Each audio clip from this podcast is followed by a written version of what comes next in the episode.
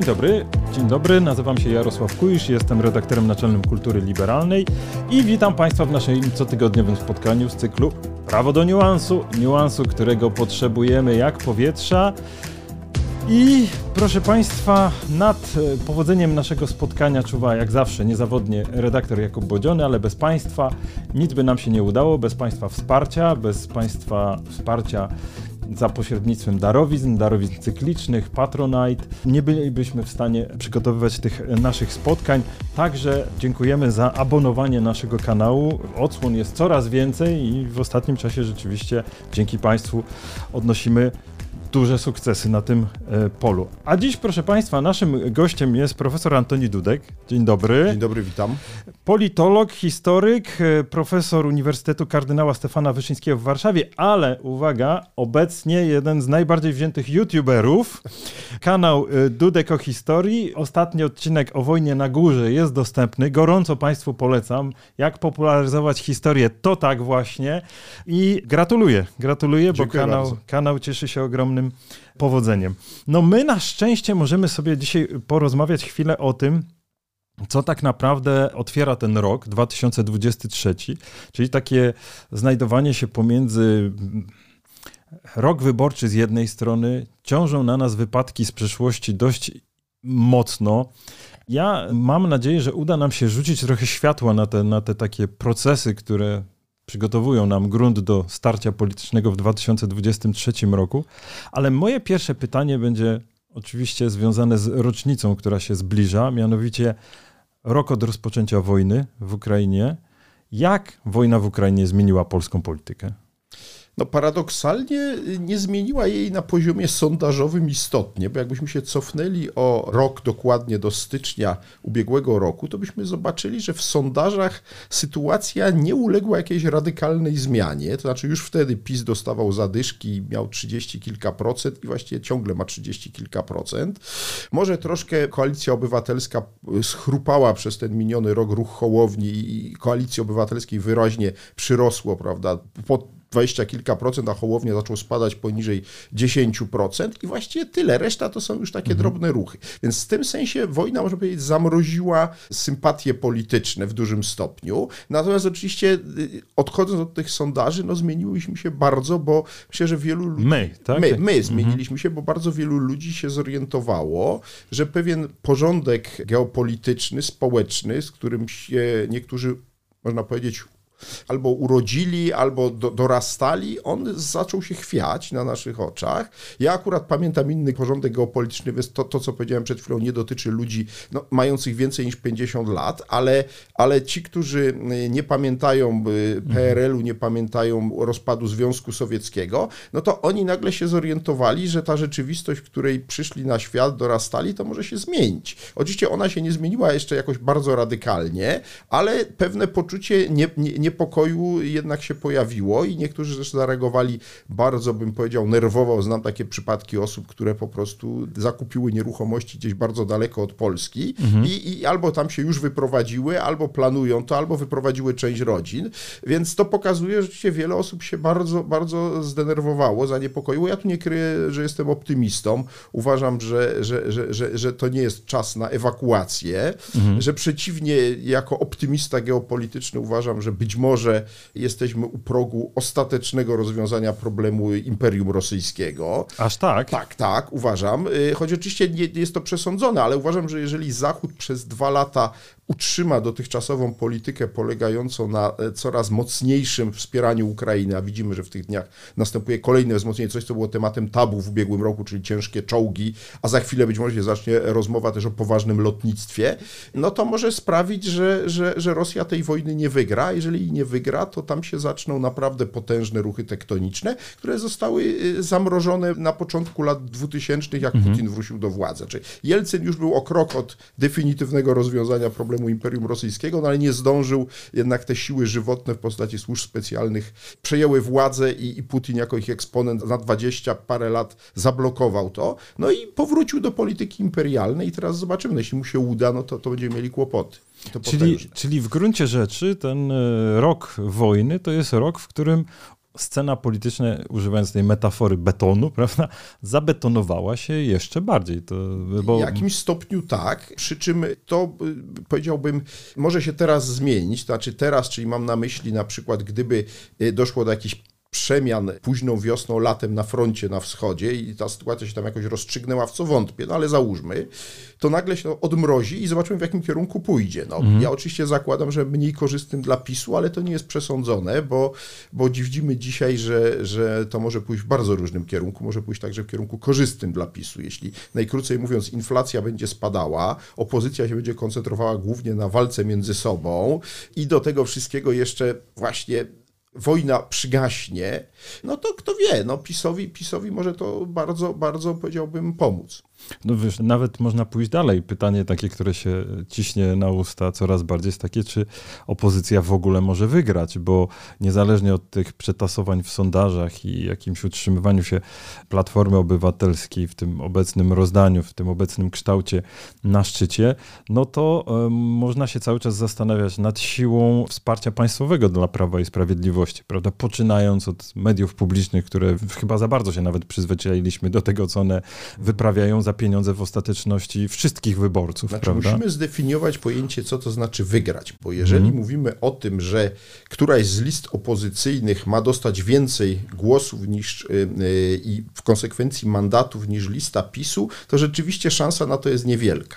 Natomiast przecież nie ten musi rządzić, którego lista dostała najwięcej głosów, tylko ten, który jest w stanie zbudować większość w Sejmie. I teraz, mhm. jeżeli przełożymy te sondaże, o których zamrożone mówiłem, na mandaty w Sejmie, to praktycznie praktycznie w żadnym sondażu PiS nie ma samodzielnej większości. I teraz pozostaje pytanie, czy PiS będzie w stanie sobie do, znaleźć koalicjanta, czy koalicjantów wręcz, czy nie, bo jeżeli nie, to może powstać rząd tak zwanej kordonowej koalicji, ja to tak nazywam, antypisowskiej. To nie jest dzisiaj wykluczone, to będzie trudne, ale to jest ciągle możliwe. Jak w Senacie coś takiego, prawda? Dokładnie tak. Przy czym, żeby była jasność, to będzie rząd dysponujący znikomą większością, mający naprzeciwko siebie e, no, ogromny, potężny obóz pisowski, który będzie miał pewnie ponad 200 posłów, albo około 200. No i jest pytanie, czy ten e, nowy rząd będzie sobie w stanie ułożyć relacje z prezydentem Dudą, czy nie. I tu są zasadnicze różnice. W sytuacji, kiedy pójdzie na konfrontację z prezydentem Dudą, to nie pociągnie długo. Natomiast jeżeli się spróbuje z Dudą dogadać, co moim zdaniem nie jest wykluczone, bo Duda się zaczął powoli oddalać od obozu e, Prawa i Sprawiedliwości, czego wielu ludzi, zwolenników opozycji nie chce dostrzec, bo się już tak zafiksowali, że ten Duda to jest ten słynny długopis Kaczyńskiego, że nie widzą, że pan prezydent od jakiegoś czasu dość szamocząc się skądinąd próbuje jakoś zbudować sobie własną pozycję i znaleźć sobie nowych patronów. E, już nie będę rozwijał gdzie, ale, ale generalnie poza Polską. Y, no i, i, i to jest bardzo istotny fakt i to, to jest pewna szansa dla opozycji, o ile oczywiście ona to dobrze rozegra po tym potencjalnym zbudowaniu tej większości y, w ramach tej owej kordonowej koalicji. No, ale do tego wszystkiego jeszcze daleko, to będzie się ważyło gdzieś w listopadzie, grudniu tego roku. Na razie jest y, styczeń i sporo się jeszcze wydarzy. A co byś powiedział tym tym osobom, które właśnie, jak nazwałeś ich e, zwolennikami opozycji, którzy nie, nie widzą przemian Andrzeja Dudy, co byś im odpowiedział na temat takich obaw, że Prawo i Sprawiedliwość, czy jego zwolennicy mogą się nie dać odsunąć od władzy. Ludzie patrzą na to, co się stało no, w Stanach Zjednoczonych, prawda? Atak na Kapitol, potem oglądają obrazki z Brazylii, atak na siedzibę prezydenta i tak y, drapią się w głowę, zadając pytanie o analogię, czy, czy, czy tego typu wydarzenia w ogóle w Polsce są do pomyślenia, kiedy by się miało okazać, że egzotyczna koalicja będzie chciała odsunąć PiS od władzy, który uzyskał więcej mandatów. To będzie trudna psychologicznie tak, sytuacja, tak, prawda? Tak. Niestety obawiam się, że to, co się stało w Brazylii i wcześniej w Stanach, może się i u nas przytrafić. Ja może się. Wykluczam, tak.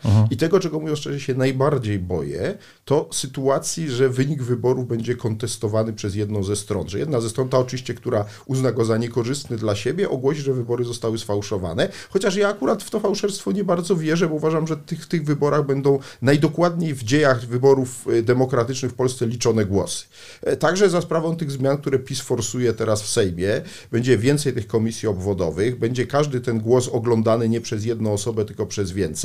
Będzie to trwało znacznie dłużej i tu oczywiście to zrodzi mhm. od razu emocje, dlaczego to dawniej na zajutrz były wyniki, a teraz będą po trzech dniach powiedzmy, ale w moim przekonaniu, jeśli obie strony zrealizują swoje zapowiedzi i powołają kilkudziesięciotysięczne grupy, że tak powiem, mężów zaufania, to ja myślę, że, że te wybory będą rzetelnie policzone. Natomiast podział jest w tej chwili tak głęboki i głosy są tak rozstrzelone, że ja się nie spodziewam wyraźnej większości, mówiąc mhm. inaczej. Znaczy, wydaje mi się, że szansa, że tutaj będzie jakieś spektakularne zwycięstwo którejś ze stron jest znikoma. To mhm. będzie po prostu wynik, gdzie każdy mandat będzie po prostu, się będzie chwiało i tak jak mówię, ta kordonowa koalicja, o której wspomniałem, no jest pytanie, y, ile dostanie Konfederacja, czy Konfederacja będzie chciała z PiSem wchodzić w koalicję, czy nie. To wszystko jest, jest wiele znaków zapytania. No i przede wszystkim najważniejsze, czy y, opozycja zwana demokratyczną pójdzie więcej niż dwóch listach, czy, czy, czy, czy ograniczy się do jednej, co mało prawdopodobne, bądź maksymalnie dwóch list, bo wszystko powyżej dwóch list jest moim zdaniem na korzyść PiSu. No tak, tak, tu, tu ordynacje i reguły przeliczania głosów na mandaty są nieubłagane, ale czy nie jest tak, że my powinniśmy w ogóle założyć, wiesz, chcesz pokoju, szykuj się na wojnę, prawda? Założyć, że głosy będą być może policzone tak rzetelnie jak jeszcze nigdy, a może po prostu rzetelnie policzone, a i tak jedna ze stron będzie kontestowała. A to też jest możliwe, tak, Prawda? ale ja mówię o mojej osobistej ocenie, że to będzie rzetelnie liczone, natomiast kontestować można. No, ja widzę... Nie, że nawet będzie. Chodzi mi o to, że po prostu będzie jakaś bardzo silna kontestacja tego, tego wyniku, bo jeżeli weźmiemy na przykład taki sondaż, początek e, tego roku, 7 stycznia, czytamy w Rzeczpospolitej sondaż, 54% Polaków jest przekonane, że PiS nie będzie rządzić. Ale patrzymy, PiS wtedy miał 34,2, e, Koalicja Obywatelska 28,3, no ale to przekonanie, że nie będzie rządzić. I teraz mamy wybory, liczymy głosy, PiS wygrywa, ale przegrywa. Ja myślę, że to będzie kontestowane po prostu e, od pierwszej minuty po ogłoszeniu no tak, wyników ale, aż przez 4 lata. No tak, prawda? ale wiesz, ale pytanie, w jakiej formie będzie kontestowane, bo ja przypomnę ci... Piętrowo, może, chodzi mi o to, że po całości. Już, może już ci młodsi nasi słuchacze tego nie pamiętają, ale na przykład po wyborach prezydenckich w 1995 roku Lech Wałęsa przez wiele lat twierdził, że wybory zostały sfałszowane i mhm. on ich nie przegrał, prawda? No ale niewiele z tego wynikało. Więc to, że będą różni ludzie mówili, że te wybory też zostały sfałszowane, to sobie mogą mówić. Mnie jest mhm. istotne, czy oni się zgromadzą na ulicy i ruszą na przykład na Sejm, prawda? Albo na jakieś No ale mówisz, że mo może coś może, się takiego może wydarzyć. Może być coś takiego i tego się boję. Mhm. Natomiast mam wrażenie, że jednak y, wtedy się nastąpi to, co, to, co y, i w otoczeniu Trumpa nastąpiło i w, w um, otoczeniu Bolsonaro. Znaczy jednak większość się od tego zdystansuje. Wie, większość mhm. y, mówi o przywódcach politycznych, no i nie chce wojny domowej. No bo, no bo jeżeli się takie działania kontynuuje, no to de facto zaczyna się wojna wojna domowa, którą ostatnio przed Smagiej mieliśmy na szczęście w Polsce wiele, wiele lat temu, e, czy mówię o stanie wojennym i wcześniej o przewrocie majowym, no i to już przerabialiśmy w Polsce. E, no i mam nadzieję, że to się nie powtórzy, tyle mogę powiedzieć, ale gwarancji nie mam, ponieważ mhm. rzeczywiście obserwujemy ten proces polaryzacji, jest, jest takim procesem, który zasysa coraz to nowe obszary życia i ja widzę, jak kolejni ludzie są wciągani w ten wir polaryzacyjny. Znam takich ludzi, którzy jeszcze 5-7 lat temu, chociaż PiS już rządził się, zachowywali jeszcze racjonalnie racjonalnie. Mówię o zwolennikach obu stron, a teraz już widzę, że im po tych siedmiu latach tej, tej rąbanki z obu stron nerwy puściły i teraz są już bardzo radykalni albo po jednej, albo po drugiej stronie. Czyli umiarkowanych ubywa, radykałów przybywa. No i jest pytanie, jaki jest finał tego procesu. Ja nie wiem. No, mhm. Ja tylko mogę wyrazić nadzieję, że nie jest taki właśnie, jaki obserwowaliśmy ostatnio w Brazylii, czy, czy, czy wcześniej w tym marszu na Kapitol. No, ale, ale pewności nie mam.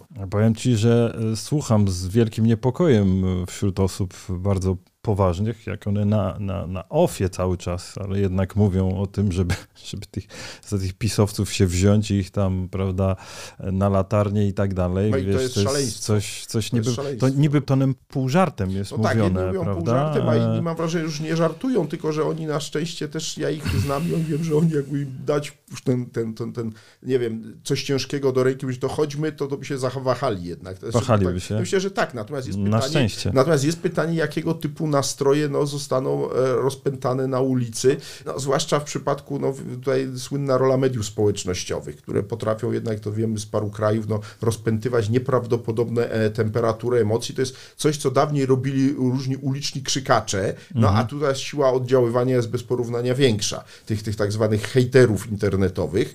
E, no i zobaczymy, co oni zdziałają, nie wiem. No ja tylko wiem, że, że, że ja mam takie poczucie, że i to nie dotyczy tylko Polski, ale że demokracja niestety, ale jest w dramatycznym mhm. położeniu. I że, że, że te wszystkie nowe technologie, które nas coraz bardziej osaczają, no kopią jej grób. Nie mam nadzieję, że go nie wykopią do końca, no ale, ale gwarancji nie mam pewności. No ja tylko Państwu przypomnę tak, taką informację, którą się dzielę co jakiś czas i przywołuję ją, że w Washington Post ukazał się kilkanaście miesięcy temu artykuł o tym, że w mediach społecznościowych ustawiono tak algorytmy na Polskę, żeby ludzi konfliktować ze sobą i to zadziałało. Więc to jest niezwykłe, jeżeli zdamy sobie sprawę, że do, do, do wewnętrznych tutaj podziałów, jeżeli jeszcze ktoś do zupełnie strona trzecia kompletnie nie interesują przekonania polityczne tej czy innej strony, czy to jest białe, czy czarne, po prostu oliwy do ognia i, i, i patrzy, jak wyniki rosną, prawda? Bo... Znaczy, ja powiem tak, ja średnio wierzę w te algorytmy, że one mogą aż takie cuda zdziałać, natomiast bardziej wierzę niestety w cechy narodowe. Mhm. I ja uważam, że naturą Polaków znaną już z dawnych źródeł, prawda, bo to słynne stwierdzenie, gdzie, gdzie dwóch e, Polaków, tam trzy partie, to nie jest nawet z XX wieku, to jest powiedzenie jeszcze z XIX wieku i to nie jest przypadek, że tak byliśmy postrzegani na świecie jako naród wyjątkowo kłótliwy, a teraz dostaliśmy nowe wspaniałe narzędzia w postaci mediów społecznościowych, żeby się kłócić jeszcze mocniej, no i korzystamy z tego bez, bez zahamowań niestety. No tak, ale, ale, ale, ale rzeczywiście tutaj aż się, aż się prosi, żeby się zastanowić nad tym, wiesz, razem, no dobrze, to, to mamy ten konflikt przy okazji mediów społecznościowych wydaje się, że on jest za każdym razem tu i teraz. Ale kiedy wspominałeś o, o, o Lechu Wałęsie, o tych podziałach, ja mam wrażenie, że to trochę wygląda tak, jakby kolejne konflikty, wiesz, po prostu przechodziły jeden w drugi. Tak. I może przypomnijmy naszym słuchaczom, no po 89 roku, krótka historia trzeciej RP, po 89 podział postkomunistyczny opisany przez panią profesor Grabowską, której polecamy film, jest na naszym kanale. Potem przychodzi podział postsolidarnościowy, tak, kiedy tak. dawna opozycja się po prostu między sobą kłóci. Niektórzy widzą ale on że, trwa, że on do trwa do dziś. Bo, ja, bo PiS ale... i Platforma się przyznają do dziedzictwa Solidarności i każda próbuje drugiej stronie odmówić tego prawa. Ale, ale wiesz, zastanawiam się, bo teraz y, jednocześnie mam wrażenie, że się wkrada jakiś taki rodzaj, 7 lat, prawda, tej sytuacji, taki rodzaj rytualności okładania się. Widać po wynikach zresztą w, w, w internecie, że co, politycy, ja wywiady z politykami... prowadzę. 7 lat to jest z najnowszej y, fazy, gdzie PiS dominuje, a tak naprawdę to się zaczęło po 2005 roku. Tak, Czyli tak naprawdę zgoda, tak. Y, mamy już w tej chwili 18 lat. Właśnie nie, w dorosłość w tym roku wejdą ci, którzy przyszli na świat w momencie, jak ten podział zaczął, bo przypomnę, że w 2005 niektórzy wyborcy wtedy głosujący mieli nadzieję na koalicję popisu i budowę tak zwanej czwartej Rzeczpospolitej. To nawet trudno dzisiaj no. sobie, tak. to jest, to brzmi jak jakiś, jakiś, jakiś wariant powieści science fiction, natomiast chodzi mi o to, że wiesz, ma, mam takie wrażenie, że wkrada się jakiś rodzaj zmęczenia i nudy do, do tych wideo. Odnoszę no, się na przykład się. do tego, że rozmowy z politykami nie cieszą się takim, wiesz, wzięciem nadzwyczajnym. Niektórzy zawsze zgromadzą publiczność, bo mają cięty język i potrafią układać efektowne metafory, ale generalnie politycy, nie wiem, jakoś przynudzają, ludzie się czują trochę chyba, wiedzą co usłyszą od, te, od tej osoby, od tamtej osoby. I zastanawiam się, czy nie, nie rysuje się na horyzoncie taki, taki, taki, wiesz, co budzi realne emocje, no, sprawa sekularyzacji, o której rozmawiamy od pewnego czasu z naszymi tutaj gośćmi, i zastanawiam się, czy to nie jest jakaś nowa, realna linia podziału, no bo realna linia podziału... Ale to nie, nie, ale zaraz, stosunek do kościoła która, do, i roli religii był od zawsze obecny, znaczy od zawsze, no, od narodzin demokracji. Wiesz, ja ci przypomnę tak zwaną zimną wojnę religijną z początku lat 90., spór o właśnie e, regulację prawa do aborcji, nauka religii w szkołach, e, kwestia konkordatu, to wszystko się już wtedy działo. Tylko rzeczywiście wtedy Kościół był dużo potężniejszy niż jest dzisiaj, tak twierdzę, mimo że oczywiście dzisiaj jest przyspawany do PiSu PiSu i tutaj tworzą niby koalicję rządzącą, to dzisiaj wpływy Kościoła są dramatycznie mniejsze niż były w latach 90. I w związku z tym, wiesz, to, to jest jakby kolejna odsłona tego mhm. sporu. Ja tu nie widzę niczego nowego akurat ty, na tym odcinku. Jeśli bym widział coś zupełnie nowego, no to do ludzi zaczęło docierać na przykład jak ważna jest energetyka, energia. To, to jest coś, czym się w ogóle nikt tu nie przejmował. Jacyś nieliczni maniacy o tym gadali gdzieś tam w latach 90., czy na początku lat 2000, że może jakąś energetykę jądrową, może jakąś zieloną. To wszyscy uważali, a ci ekolodzy, tam prawda tego. To, to była jakaś nisza. Mhm. I nagle wszyscy zaczęli w ostatnich latach odkrywać, że niestety, ale energetyka to jest potężny problem, a Polska ma zabagnione te sprawy i w związku z tym to jest dla nas wyjątkowo ważne. Więc to jest dla mnie nowy temat. Energetyka, nie, nie, nie, nie kwestie religii. To ja może, może doprecyzuję. Właśnie z panią profesor Mirosławą Grabowską rozmawialiśmy o wynikach CEBOS-u, o, o sekularyzacji, która w ostatnich latach pod rządami PiSu wedle danych już bardzo twardych tak, tak. badań turbo przyspieszyła. Tak, prawda, I tak. wydaje mi się, że widać Ale... to trochę w e, zmianie postawy Donalda Tuska, o której doskonale wiesz, że, tak. że, że jest taka ewolucja, tak jakby szukano realnych emocji,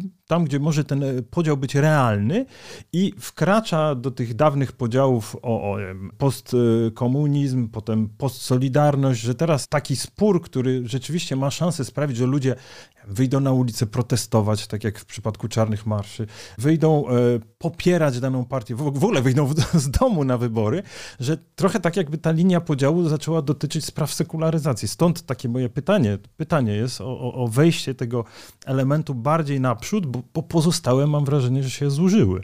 Nie, znaczy wiesz co, oczywiście, że tematyka pozycji Kościoła i regulacji tych wszystkich kwestii, na czele z kwestią aborcji, będzie ważnym tematem w tych wyborach, ale ja twierdzę, że ona była ważnym tematem także i w wyborach w latach 90.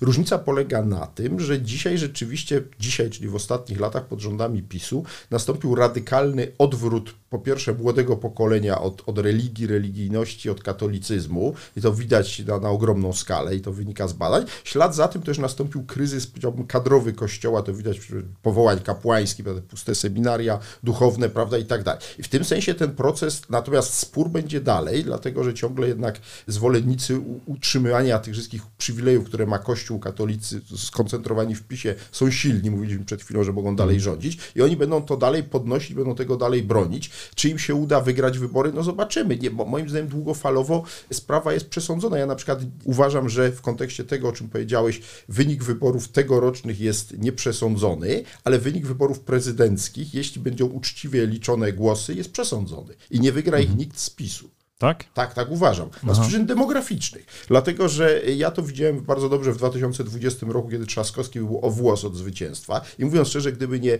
to, że nie pojechał do nieszczęsnych końskich na debatę, to kto wie, czy tym by nie przeważył szale. Plus oczywiście takie drobne manipulacje PiSu, jak te słynne akcje mobilizacyjne e, typu wozy strażackie, plus oczywiście utrudnianie ludziom oddawania głosu za granicą, to łącznie dało te 300 czy 400 tysięcy głosów na rzecz Dudy. Tylko, że za dwa lata ponad, jak będą wybory prezydenckie, to taką, takimi działaniami już się nie da przeważyć tak? szali. Dlaczego? No bo przez te lata odejdzie iluś wyborców Dudy, już część odeszła, że tak powiem, spośród... Demografia, tak. Demografia, a wśród młodych badania są dla PiSu dramatyczne.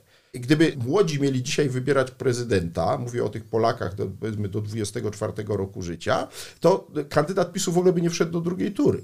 Nie mówiąc już o zwycięstwie w tej drugiej turze. Więc, a pamiętajmy, no, na czym polega różnica. W drugiej turze wyborów prezydenckich jest już tylko dwójka, prawda? To jest owa zero-jedynkowa. To tego nie ma w wyborach parlamentarnych, prawda? Więc to jest ta zasadnicza różnica. Czyli inaczej mówiąc, gdyby dzisiaj PiS e, oszalał, to jest że niezgodne z konstytucją, ale wprowadził system jednomandatowy, okręgów, tak jak jest w Senacie do, do Sejmu, mhm. to prawdopodobnie, jest wysoce prawdopodobne, że opozycja by wygrała. Tylko jest pytanie, czy ona byłaby spójna, jak ona byłaby spójna. Ale w moim przekonaniu PiS, który nie był się w stanie dogadać z Konfederacją w sprawie wspólnej listy, bo to jest nierealne, tam jest za dużo antagonizmów, po prostu no, nie miałby szans w okręgach. Znaczy, oczywiście byłyby regiony na wschodzie, te wiejskie, gdzie by wygrywał, ale w tych wielkomiejskich, gdzie przybywa wyborców, bo jednak ta Polska się zmienia, mhm. gdyby jeszcze te były uczciwie oczywiście policzone te okręgi wyborcze, obwody wyborcze, no to w, okręg, w systemie większościowym to jest to stało, co się już stało w Senacie w 2019 roku. To był mhm. przedsmak tego, co będzie teraz w Senacie. Bo teraz na przykład, o ile nie wiem, jaki jest wynik wyborów do Sejmu, to w przypadku Senatu mogę się założyć już w tej chwili z tobą, że kandydaci paktu senackiego opozycji będą mieli większość w następnym Senacie. Aha. Jeśli ten oczywiście pakt senacki przetrwa, no, ale zakładam, Jeśli wyborcy pójdą, no bo... Nie, pójdą, moim zdaniem pójdą, bo będzie moim zdaniem frekwencja bardzo wysoka, dlatego że to jest jedyny pozytywny efekt polaryzacji. Frekwencja zaczęła róść bardzo wyraźnie już od wyborów w 2019 roku. Natężenie tego sporu i te różne sposoby oddziaływania na wyborców są takie, że y, skala, prezes Kaczyński, żeby mobilizować swoich wyborców, uruchomi słynną akcję zwiększania liczby obwodów, prawda? Moim zdaniem na czym będzie manipulacja, ale trudno, to, to będzie nadużycie, ale to nie będzie fałszowanie wyborów. Ja się spodziewam wielkiej akcji Wojsk Obrony Terytorialnej i policji, która będzie jeździła od staruszka do staruszka i go woziła do punktu wyborczego się najpierw sprawdził, czy on jest Aj. tego i będą wożeni ci staruszkowie, no żeby ich nie wozić za daleko, no to te punkty obwodowe Kaczyński utworzy gdzie się da. Ale teraz jest pytanie, czy y, to się nie zwróci przeciwko PiSowi, dlatego Ale co, że, zakładasz, że, dlatego, wezmą, że zawiozą taką osobę i ta osoba zagłosuje na Tuska? No więc to, to po pierwsze, ci starsi ludzie niekoniecznie muszą być, oczywiście statystycznie rzecz biorąc, oni y, pewnie częściej będą głosowali na PiS i dlatego PiS to robi. Natomiast po pierwsze pierwsze, zwiększenie liczby obwodów może też zachęcić część młodych leniwych, którym się nie chce iść dalej, do zagłosowania. Mhm. A poza tym, jak zobaczą tą akcję, e, właśnie, że tu znowu e, przysłowiowe dziadersy mają decydować o Polsce, rządzić nią, to może się zmobilizują bardziej. To ja bym tego nie wykluczał, ale to jest szansa dla opozycji.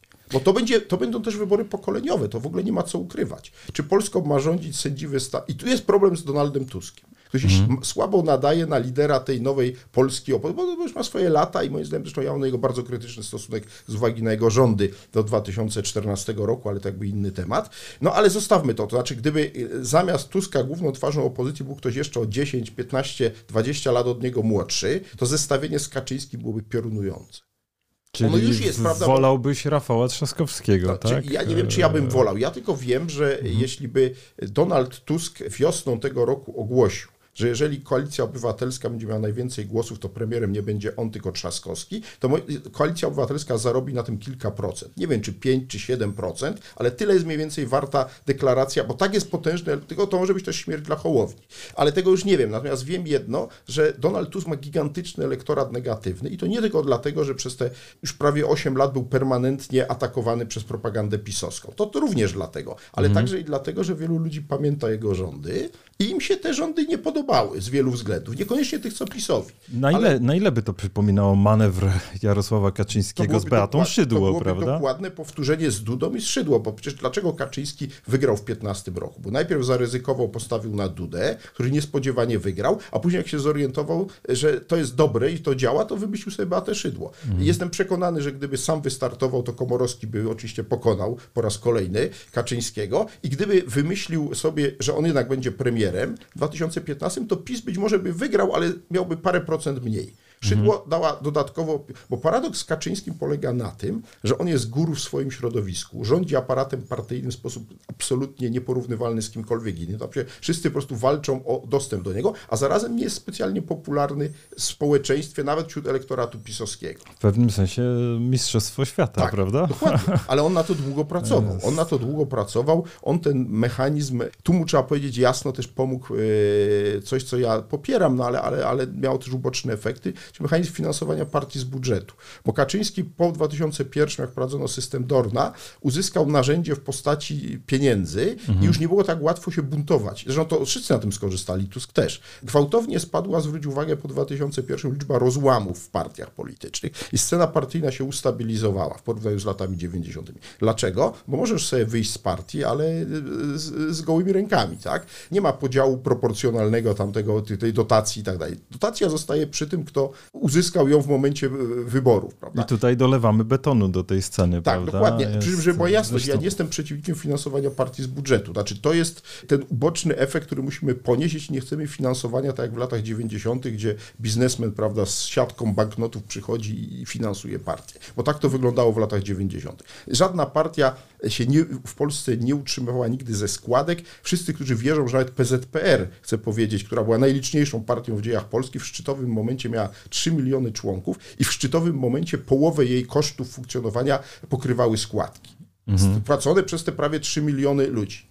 A tak to było tylko gorzej niż połowa, reszta oczywiście z budżetu państwa szła, albo z RSW Prasa Książka. Dlaczego? Dlatego, że koszty były polityki już wtedy tak ogromne. Więc naiwną jest wiarą, że, że się jakakolwiek partia polityczna w współczesnej demokracji utrzyma ze składek. Więc albo będzie finansowana przez państwo i będziemy na to mieli jakiś wgląd, się przyglądali, co się tam dzieje i to nam ogranicza korupcję, albo się wracamy do systemu właśnie e, świetnie znanego z lat 90. Z lat 90.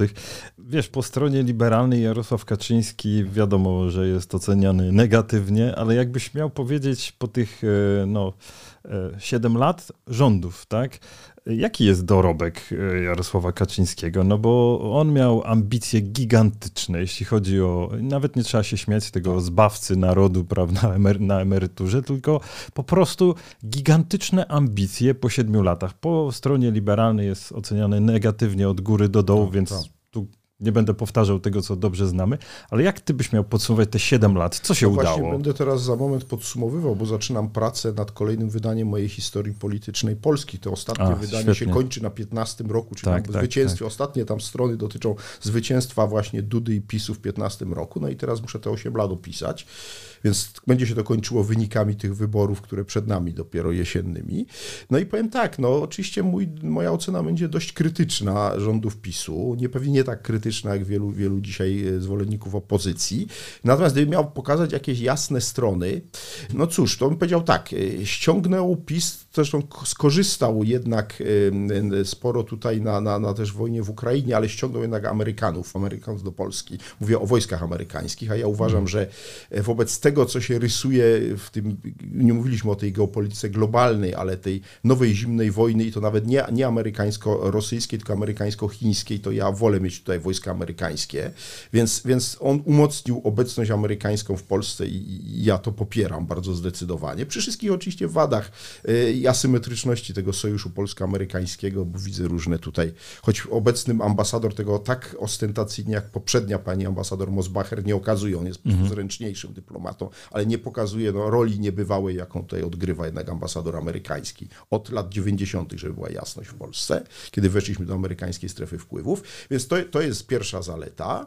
Druga zaleta, no to jest jednak mimo wszystko pewne wyrównanie różnic społecznych, to znaczy wsparcie uboższej części Polaków. Ja uważam, że rządy Platformy tutaj to, zresztą to utorowało drogę do PiSu, zlekceważyły kompletnie tą Polskę B, więc PiS trochę tam tych transferów socjalnych tej Polsce B dał. Oczywiście w pewnym momencie to się wyrwało spod kontroli, poszło daleko, za daleko. Moim zdaniem, zwłaszcza na programie 500 plus to widać. Co to znaczy? E, już ci powiem, ja popierałem program 500 plus na drugie i kolejne dziecko, po czym, e, bo uważałem, że to się demografii to już niestety nie uratuje, nad czym boleje, tak jak PiS twierdził i to się potwierdziło. Natomiast uważałem, że to jest mechanizm wspierania jednak w znacznej części uboższych rodzin. Oczywiście ułomny, ale jednak.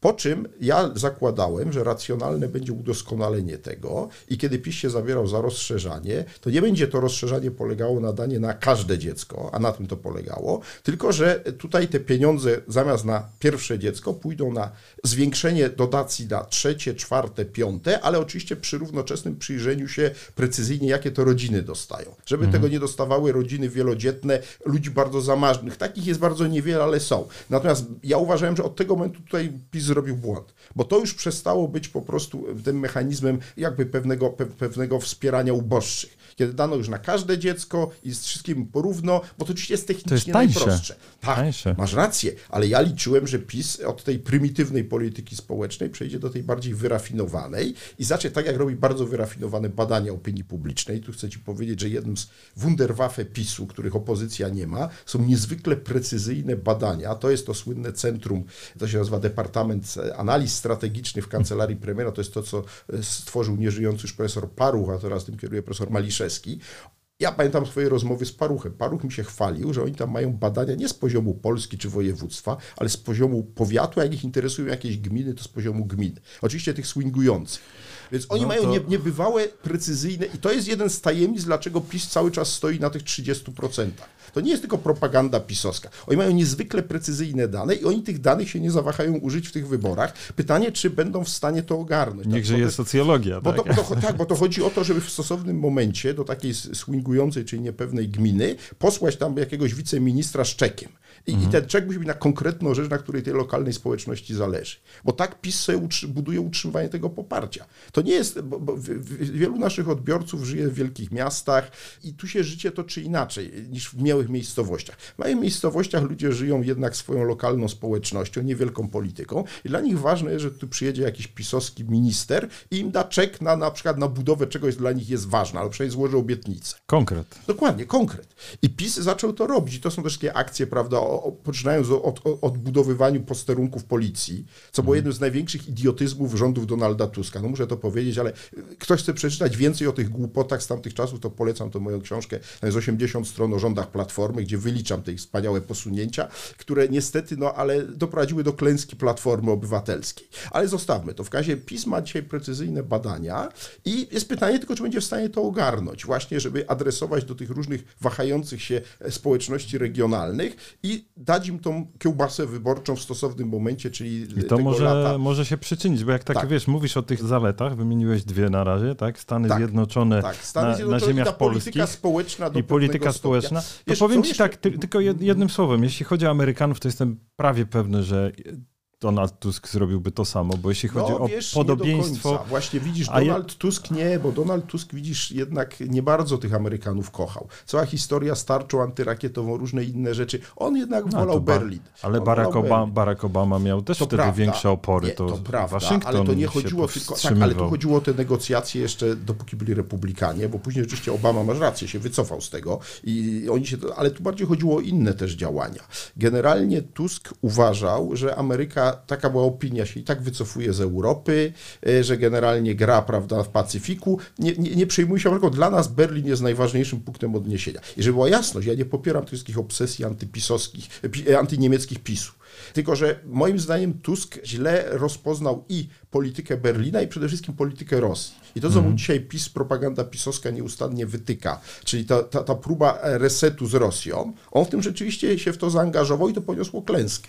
I on został na końcu oszukany przez Putina. Bo ja go nie uważam, jak twierdzi propaganda pisowska, za człowieka sterowanego przez Berlin i Moskwę, bo to jest idiotyzm. Natomiast uważam go za człowieka, który popełnił pewne błędy w polityce mhm. zagranicznej, od czego się nie przyznał nigdy, do czego nie chce się przyznać i on twierdzi, że będzie dalej Polską rządził lepiej teraz. No, ja w to nie wierzę. Ja po prostu nie wierzę w Donalda Tuska. Okay. On już miał swoje 7 lat. Żeby było jasność, ja też potrafię powiedzieć parę dobrych słów o, o rządach Tuska i też tam piszę w tej mojej książce o tym, tylko że to już było. Ja mhm. nie chcę, żeby on wrócił i ponownie Polskę zmieniał, bo on nie chce Polski zmieniać, on chce rządzić, dlatego że jego filozofią jest ować słynna ciepła woda w kranie. I on się teraz tym chwali nawet. No wiesz, jak patrzysz na wojnę w Ukrainie, myślę, że ciepła woda w kranie jest wciąż luksusem. Tylko jest więc... jeden mały problem, żeby ta woda była ciepła, musisz mieć energię, żeby ją podgrzać. A problem polega na tym, że to, że dzisiaj jesteśmy na krawędzi kryzysu potężnego energetycznego, to nie jest tylko wina Putina i tych wszystkich wojny. To jest wina gigantycznej ilości zaniechań pospołu Platformy i PiSu, ponieważ zaniedbania w polskiej energetyce zaczęły się już w latach 90., tylko do momentu wejścia do Unii myśmy nie mieli dość kasy. Ale od wejścia do Unii, kiedy praktycznie rządzi non-stop albo Platforma, albo PiS, mieliśmy już dość czasu, żeby nie tylko gazoport zbudować, bo to jest jedyny sukces, ale żeby zbudować ze dwie elektrownie jądrowe, no, masz... żeby rozwinąć energetykę e, zieloną i tak dalej. A, a, a, do ręki symbolu urasta Ostrołęka, prawda? Dokładnie, to, która jest oczywiście głupotą pisowską, prawda, budowanie tego bloku węglowego wtedy, ale tak czy owak problem polega na tym, że tu obie strony i można długo dyskutować, która bardziej, to pewnie nie ma sensu, ale zawaliły sprawę. I teraz znowu no bo, Donald ale, Tusk ale, będzie wiesz, nam naprawiał energetykę. Wiesz, tak? ale ja mam wrażenie, że my się wszyscy uczymy wielu rzeczy. To jest, wiesz, no, ja, ja stawiam tę tezę o tym, że kończą się pokolenia podległości, do którego sam się mhm. zaliczam i urodziły się, wychowały we własnym kraju pokolenia niepodległości i w pewnym sensie uczą się państwa.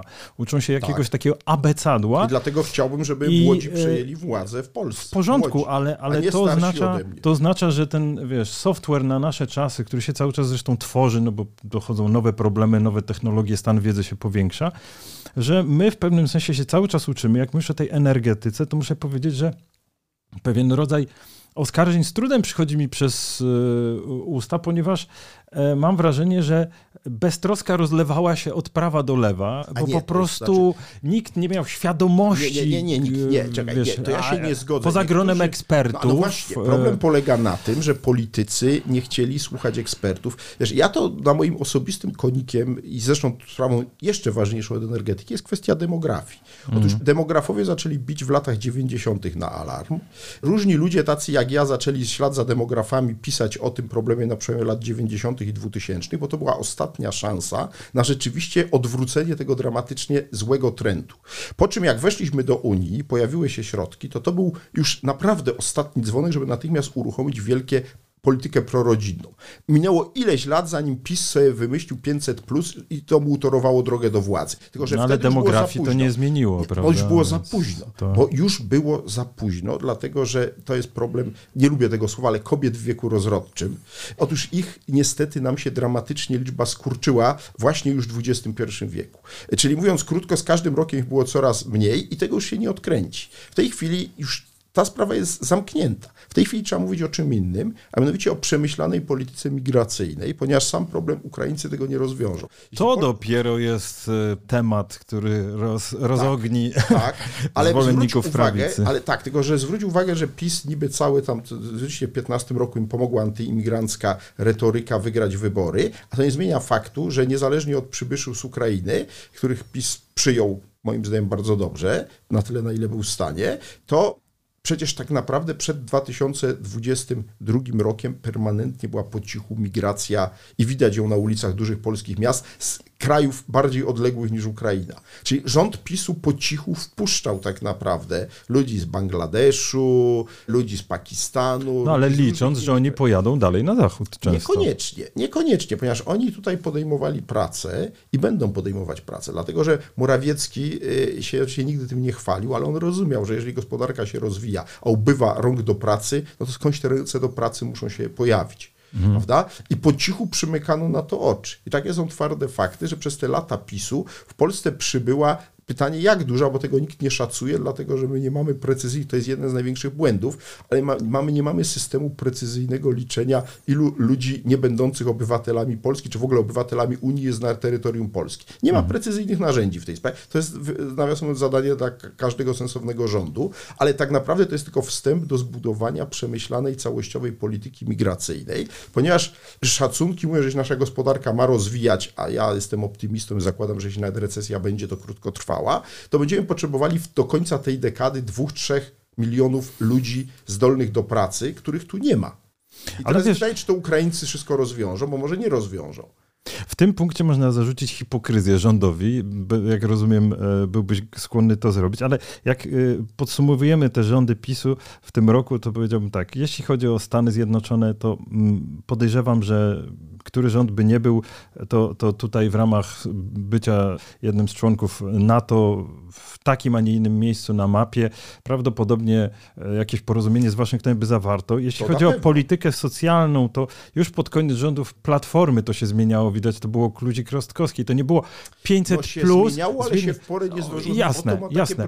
Ale ostatni, ostatni punkt. Chodzi mi o to, o to, że w zasadzie jakby tak e, spojrzeć e, na, na, te, na to podsumowanie, to ja mam wrażenie, że ten trzeci punkt, o którym nie wspomniałeś, to jest to, co poróżniło naprawdę, czyli spór o praworządność. To było nie, to, to, co poróżniło naprawdę, że Prawo i Sprawiedliwość łamie prawo, a pozostałe punkty dałoby się w ramach, wiesz, wymiany, przejmowania władzy między partiami, dałoby się to w ogóle ułożyć. Wiesz co, i tak i nie, dlatego że to jest tak, że praworządność jest tylko elementem szerszej wizji PiSu, która, która jest partią narodowo-rewolucyjną, mhm. E, czyli mówiąc krótko, oni chcą e, wymienić wszystko. No Kaczyński to wprost otwarcie mówi, trzeba wymienić całą elitę społeczną, co ja uważam za szaleństwo kompletne, no ale on w to wierzy głęboko i wymiana elit sądowych czy elit prawnych jest tylko wstępem do całościowej wymiany elity. Stąd, prawda, te wszystkie, moim zdaniem, tragikomiczne działania ministra Glińskiego Kaczyńskiego, który tam prawda, próbuje tworzyć tych, wspierać tych twórców kultury po duchu patriotycznym, słynny film o Pileckim, którego ciągle nie ma, który już kosztował podobno 40 milionów złotych, ta superprodukcja, y, no to jest taki symbol właśnie tego nieudacznictwa, że była coś, ale, ale plany są ogromne, były i są. Więc mhm. tutaj no, za chwilę mam nadzieję, że to będzie dużo bardziej udany projekt, ale w stanie surowym, ale PiS przed wyborami otworzy największe muzeum w Polsce i w historii Polski, Muzeum Historii Polski na Cytadeli. Oczywiście tam nie będzie Ale ono się zaczęło, zaczęło powstawać jeszcze przy zarządów Platformy, Dobrze, prawda? ale, ale yy, znaczy nie, nie, akurat nie. Bo nie? nie? akurat nie. To muzeum to w ogóle powołał jeszcze Ujazdowski pod rządami Platformy, to ono cały czas czekało. No Robert trwało, Kostro, tak, pamiętam, był tak. dyrektorem ono jeszcze za czasów Platformy. Dzisiaj ono trwało, tak, bo Kostro przetrwał to wszystko, to jest akurat pozytywny przykład pewnej kontynuacji, tylko że tak naprawdę realna budowa, lokalizacja i budowa się już zaczęła za rządów PiSu. No, dla PiSu to jest takie sztandarowe ich przedsięwzięcie, tak jakby z Muzeum II wojny światowej Platformy. O właśnie, a propos, to jest jedno, kiedy mówię o Tusku bardzo krytycznie, to mogę go pochwalić. Generalnie, i to mówię z perspektywy człowieka, który był we władzach IPN-u, Platforma generalnie olała kwestie polityki historycznej. I to tak powiedziałbym bardzo szeroko, ale z jednym pozytywnym wyjątkiem. Rzeczywiście Tusk miał wizję, żeby w jego rodzimym Gdańsku było piękne Muzeum II wojny światowej, znalazł mhm. właściwego człowieka, który miał wizję, czyli profesora Pawła Machcewicza i muzeum powstało, no później przedpis je, że tak powiem, e, troszkę tam poprzestawiał, ale tego generalnej wymowy tego muzeum nie, nie zmienił. Ale to, to, to tak na marginesie. Natomiast PiS ma tutaj plany ogromne, tych muzeów bez liku powstaje, mniejszych, większych, moim zdaniem, że za dużo. No ale, ale wiesz, a to ma być narzędzie tej przemiany y, społecznej, która oczywiście się nie dokona, bo jak się patrzy na to młode pokolenie, to Czarnek ma same klęski, znaczy z tym hitem przecież to jest gigantyczna porażka w istocie rzeczy. To, więcej, więcej roboty robi twój kanał na YouTubie. No nie wiem, czy Popularyzacji pewnie nie, pewnie nie więcej wiedzy. nie chciałbym oczywiście, ale, ale oczywiście nie robi tyle, natomiast Czarnek tylko przeciwko sobie y, spolaryzował jeszcze bardziej środowisko nauczycielskie, które nie przepadało zapisem nigdy, ale teraz to już w ogóle myślę, że tam skala niechęci jest gigantyczna. No, no, i, no, no więc właśnie, no i, i, i te wszystkie jego działania polegające na uruchomieniu tego owego przedmiotu nazwie hit y, są nieporozumieniem, bo to wszystko jest bez sensu, żeby uczyć tym razem, tak się nie uczyło rzeczywiście tego XX wieku, y, nad czym bolałem porządnie w dawnym programie szkoły średniej, to teraz się ma uczyć dwa razy. I na początku szkoły średniej i na końcu to jest kompletnie idiotyzmem zupełnym. Trzeba uczyć mniej, ale lepiej, bo generalnie ja ci chcę się pochwalić, że jestem współautorem podręcznika do historii, ale nie do hitu, tylko do czwartej klasy liceum, mhm. według tego, tego, tego tradycyjnego programu, który teraz tam przechodzi kolejne fazy, że tak powiem, prac redakcyjnych. I w związku z tym musiałem, pisząc ten podręcznik, no, bardzo się trzymać ściśle, czego pilnowano w redakcji, w wydawnictwie, podstawy programowej. I ta podstawa programowa jest dramatycznie przeładowana. I to, i to moim zdaniem zresztą jest nie tylko problem tej, tego nauki historii, tylko w ogóle generalnie programu edukacyjnego. Myśmy doprowadzili do tego, że każdy kolejny minister sobie dopisywał do podstawy programowej historii polskiego, ale do wielu innych przedmiotów kolejne rzeczy, wierzę, że to młodzieży też się przyda. Tymczasem młodzież coraz mniej z tego wszystkiego chce się dowiedzieć. Znaczy, mówiąc krótko, rozjeżdża się coraz bardziej świat podręczników, podstaw programowych od tego, co realnie jest w głowie e, młodych ludzi. To ja ci powiem, że to da, ja, ja, bym to podsumował, już powoli musimy tak. zmierzać do końca, ja bym to podsumował w ten sposób, że jeżeli mówimy o tych siedmiu latach Jarosława Kaczyńskiego, to jedną z największych porażek, pomijam w tym momencie kwestię praworządności, o której rozmawialiśmy, jedną z największych porażek tych rządów jest sprawa edukacji, ponieważ tak, tak, tak. wiele pokładano nadziei w tym, że rządy skoncentrowane na podniesieniu prawda, jakiejś e, świadomości zbiorowej, wiedzy i, i tak dalej przyniosą jakąś rewolucję, a potem daje się ministra, którego odwołując się do dawnych terminów, można powiedzieć, że jak Grabowskiego, tego ministra zaciemnienia narodowego, można by było snuć analogie takie, to mam wrażenie, że e, nauczyciele z ich e, statusem, z ich zarobkami, z ich ogólnym traktowaniem edukacji, która znalazła się z powodów choćby technologicznych przed gigantycznymi wyzwaniami, zostawiono tych, tych ludzi samym sobie, jest odpływ kadry, jest to, jest to potworne, jak się myśli o tym, że e, ktokolwiek chciałby, już tak obiektywnie, e, ktokolwiek chciałby podnieść poziom kraju wyżej, zawsze stawia na podniesienie edukacji na poziom światowy.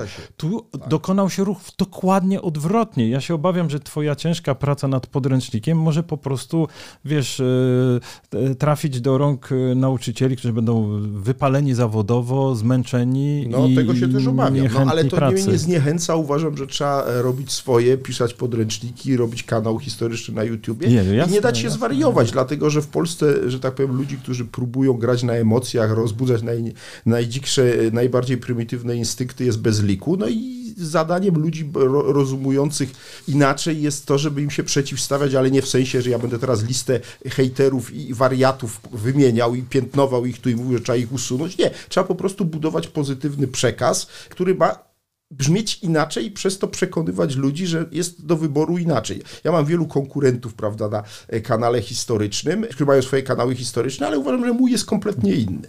On mhm. jest jakościowo inny, nie tylko oczywiście też dlatego, że ja się skoncentruję na pewnym konkretnym okresie, czyli historii powojennej Polski, ale też dlatego, że konwencja jest zupełnie inna. Ja tam nie biegam za sensacją. Oczywiście zrobiłem jeden czy drugi odcinek o takiej czy innej aferze, ale to były afery niezwykle ważne dla polskiego życia politycznego i dla przemian pewnych, a nie prawda, afery, które były tylko ciekawe, że tam ukradziono coś, prawda, albo zabito. Albo kogoś. obyczajowe. No właśnie, więc nie, w tym kierunku nie idę, a większość jednak idzie w kierunku sensacji, mają wyższą oglądalność, mają większą klikalność, ale mnie to nie interesuje, bo mnie interesuje ta, ta, ta mniejsza grupa odbiorców, za to tych bardziej wartościowych, bo oni nie wierzę, że będą stopniowo nadawali ton naszemu życiu publicznemu, ich głos się będzie przebijał przez ten, tą kakofonię hamstwa i, i powiedziałbym hipokryzji, która zdominowała niestety nasze życie publiczne. Czyli Dudek o historii to kanał pod prąd, proszę Państwa.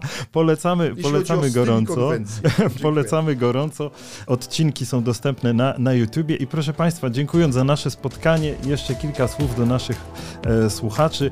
Przypominam, że jesteśmy czwartkową e, odmianą wideo podcastu Kultury Liberalnej. Mogą nas Państwo oglądać e, w czwartki wieczorem na YouTubie, ale także słuchać w ulubionych serwisach streamingowych, na Spotify i w innych miejscach. Tam także wyniki poszły znakomicie w górę, więc dziękujemy bardzo. Proszę nas abonować, subskrybować, polecać. No i wspierać, proszę Państwa, bo czasy dla, dla, dla e, trzeciego sektora, dla środowisk takich jak nasze nie są wcale łatwe, więc dziękujemy gorąco e, za wsparcie za pośrednictwem Patronite'a, darowizn, darowizn cyklicznych. Naprawdę jesteśmy Państwu bardzo, bardzo za to wdzięczni. Ja zapraszam na następny czwartek, w piątek redaktor Jakub Bodziony będzie rozmawiać o polityce międzynarodowej, a my się widzimy za tydzień. Jeszcze raz dziękuję za dziękuję, rozmowę. Dziękuję, pozdrawiam.